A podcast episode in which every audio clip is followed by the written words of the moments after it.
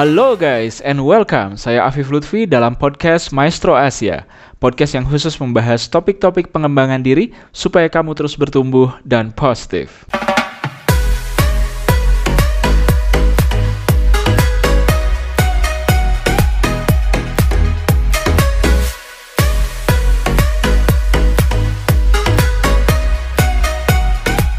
Tahu nggak sih, cara kita memandang sesuatu akan menentukan cara kita berinteraksi, entah dengan diri sendiri atau orang lain. Bisa jadi setelah kamu mendengarkan episode ini, sikap berpikir kamu akan berubah.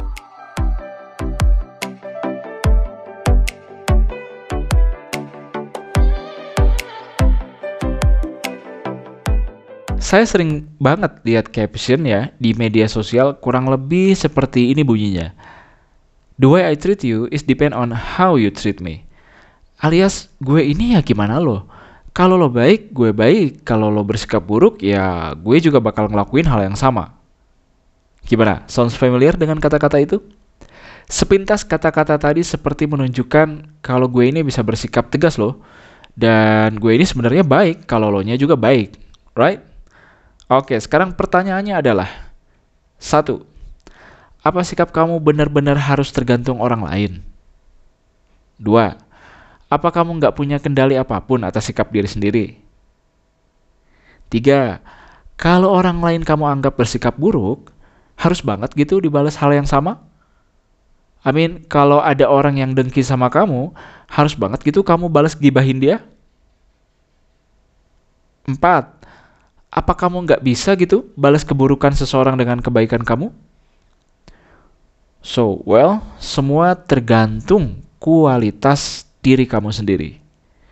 Sebelum kita lebih jauh membahas tentang cara bertindak, mari saya ajak untuk menyelami lebih jauh tentang bagaimana cara memandang. Semoga ini bisa memberikan inspirasi buat teman-teman semua ya. Cara memandang diri dan orang lain.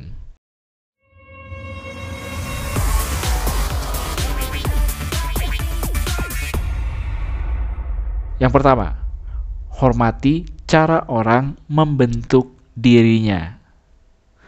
Saat kita berhadapan dengan orang lain, kita perlu menyengaja sadar bahwa beda orang beda isi kepala.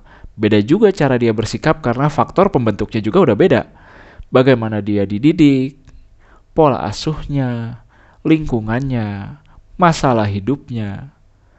Jadi, kalau kita selalu menginginkan orang lain bersikap sesuai dengan keinginan kita, Artinya, kita bakal lebih mudah kecewa, capek, dan konflik. Apalagi dengan pasangan. Terlalu banyak mempermasalahkan perbedaan yang ada hubungan gak kunjung harmonis. Lebih baik cari persamaan-persamaan meski itu sederhana. Kalau dia lebih suka nonton drama dan kamu sukanya main futsal, ya biarkanlah seperti itu. Jangan dijadikan alasan bahwa kita sepertinya nggak cocok lagi, gitu ya. Itu menjadi senjata perpecahan. Justru membangun hubungan dua orang adalah juga bicara tentang manajemen perbedaan. So, give respect, appreciate, and support each other. Ya, kalau kamu punya orang yang bisa respect dengan perbedaan orang lain, itu anugerah banget. Sesuai quote dari George Pierce, dia pernah bilang bahwa hidup kita adalah anugerah yang pertama. Cinta adalah yang kedua. Dan yang ketiga adalah pengertian gitu ya. Oke, itu yang pertama.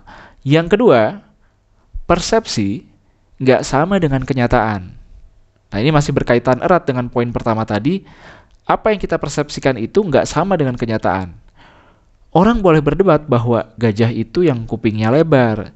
Tapi kamu nggak bisa salahin orang juga dong yang bilang kalau gajah itu yang belalainya panjang.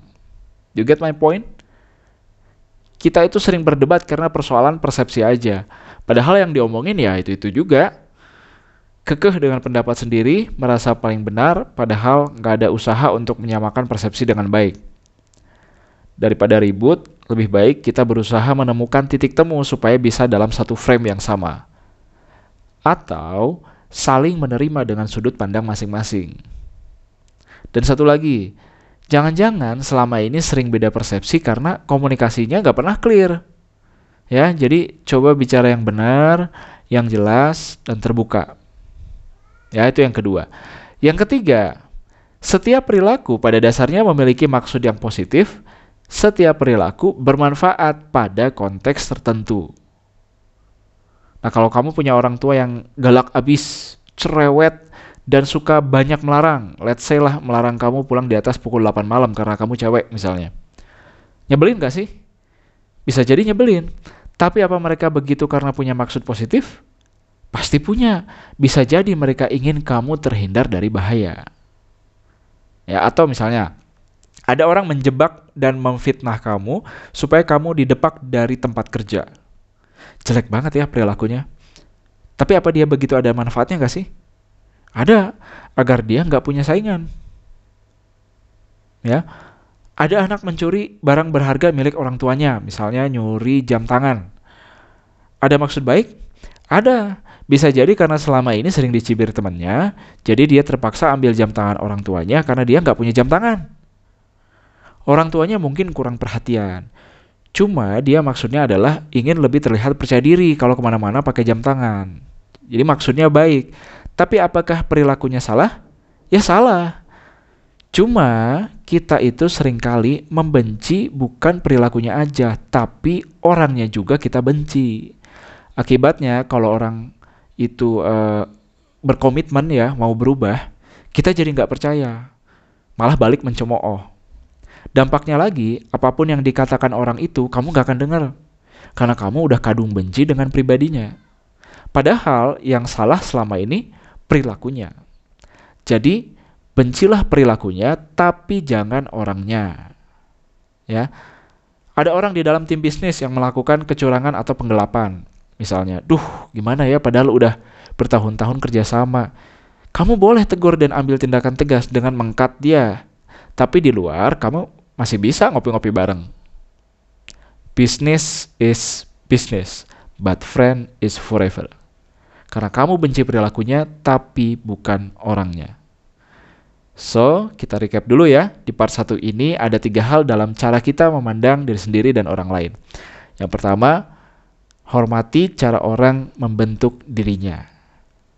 Ya, dan yang kedua ingat persepsi nggak sama dengan kenyataan. Dan yang ketiga, setiap perilaku pada dasarnya memiliki maksud yang positif. Setiap perilaku bermanfaat pada konteks tertentu. Semoga menginspirasi. Sampai ketemu di episode berikutnya. Saya Afif Lutfi and see you.